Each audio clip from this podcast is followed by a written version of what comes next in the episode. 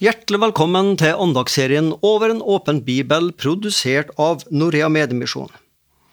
Og da skal vi gi ordet til dagens andagsholder, som er Ingrid Ese Folkestad, og dette er en reprise fra 2020.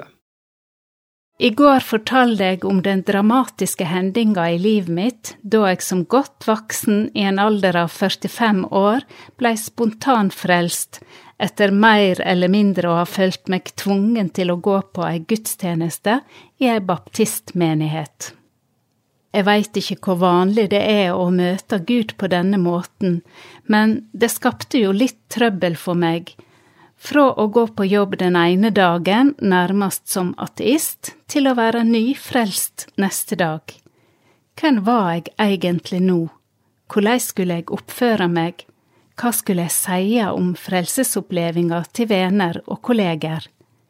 Identiteten min var jo sterkt knytta til livet mitt, slik jeg hadde levd det i 45 år, og til det jeg gjorde på jobben min, det jeg presterte, altså hvor flink jeg var, eller lite flink andre sa at jeg var men nå med et litt mer åndelig perspektiv på livet, så gikk jeg inn i en fase der jeg var litt lettere forvirra.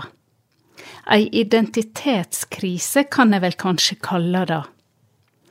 For dersom jeg skulle snakke om Jesus og omvendinga til kollegaene mine, så måtte jeg jo ha noe mer håndfast å komme med, en dose bibelkunnskap som jeg kunne henge opplevinga mi på, og som ville gi vitnesbyrdet mitt enda mer tyngde. I tillegg hadde jeg et sterkt behov for å lære mer å kjenne denne mannen som hadde stupt inn i livet mitt på overnaturlig vis, denne Jesus fra Nasaret. De nye kristne vennene mine mente jeg trengte en studiebibel da den store, svarte boka med gullskrift på framsida lå på bordet mitt heime, lurte jeg litt på korleis jeg skulle gripe det an. Men ei bok er ei bok, tenkte jeg, og starta bibelstudiene mine på side én, det vil si Første Mosebok, kapittel én, vers én, og fortsatte deretter lesinga i kronologisk rekkefølge til jeg var ferdig med hele boka. I huset vårt med fem ungdommer, som jo også var en viktig del av livet mitt, så var det ikke alltid like enkelt å finne verken ledig tid eller et ledig rom for å få den nødvendige roa til å fordøye bibeltekstene. Det som forundra meg da jeg las meg gjennom tekstene, var at boka fascinerte meg mer og mer.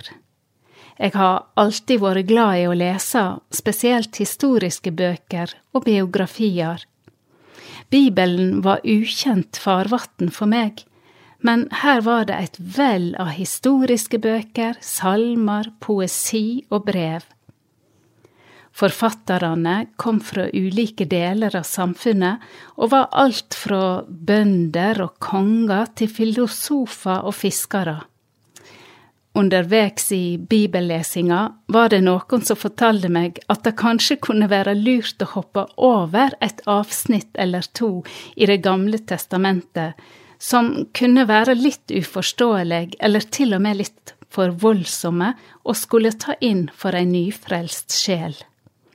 Men jeg hørte ikke på velmeinte råd og kjente at for meg var det rett å lese alt fra A til Å og litt etter litt kjente jeg at det hele ga meg mer og mer retning og mening. Jeg fikk lese sjøl om tema jeg hadde hørt andre snakke om, enten det var ikke-kristne som kritiserte både Bibel og kristendommen, eller kristne som diskuterte hvordan en burde leve eller ikke leve i dag. Det som gjorde aller mest inntrykk på meg, i tillegg til de utrolige profetiene i Det gamle testamentet, var da jeg kom til Det nye testamentet og kunne lese om hva Jesus sjøl har sagt.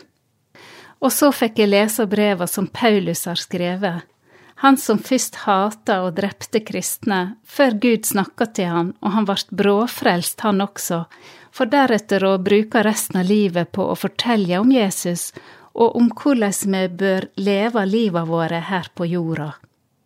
I det andre brevet som Paulus skrev til Timoteus i det tredje kapitlet, står det Hver bok i Skrifta er innblåst av Gud og nyttig til opplæring, til rettevising, rettleding og oppdragelse i rettferd, så det mennesket som tilhører Gud, kan være fullt rusta til all god gjerning.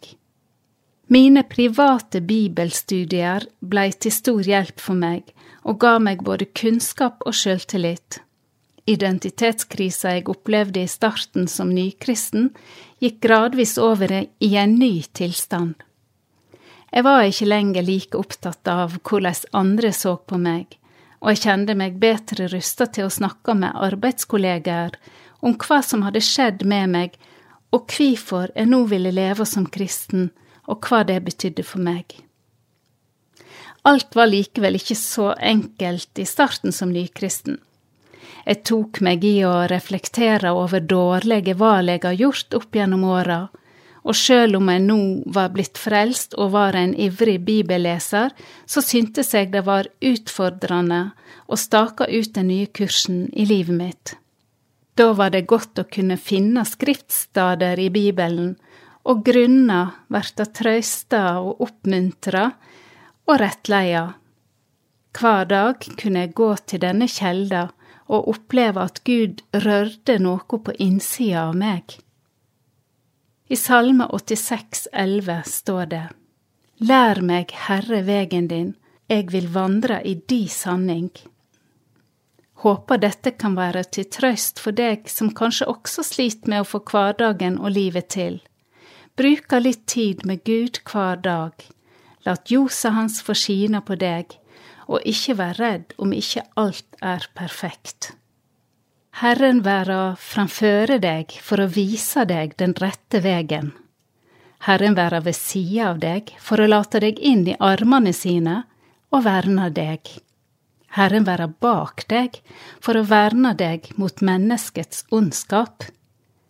Herren være under deg for å fange deg opp når du fell, og redde deg ut av snarene. Herren være i deg for å trøyste deg når du har det vondt.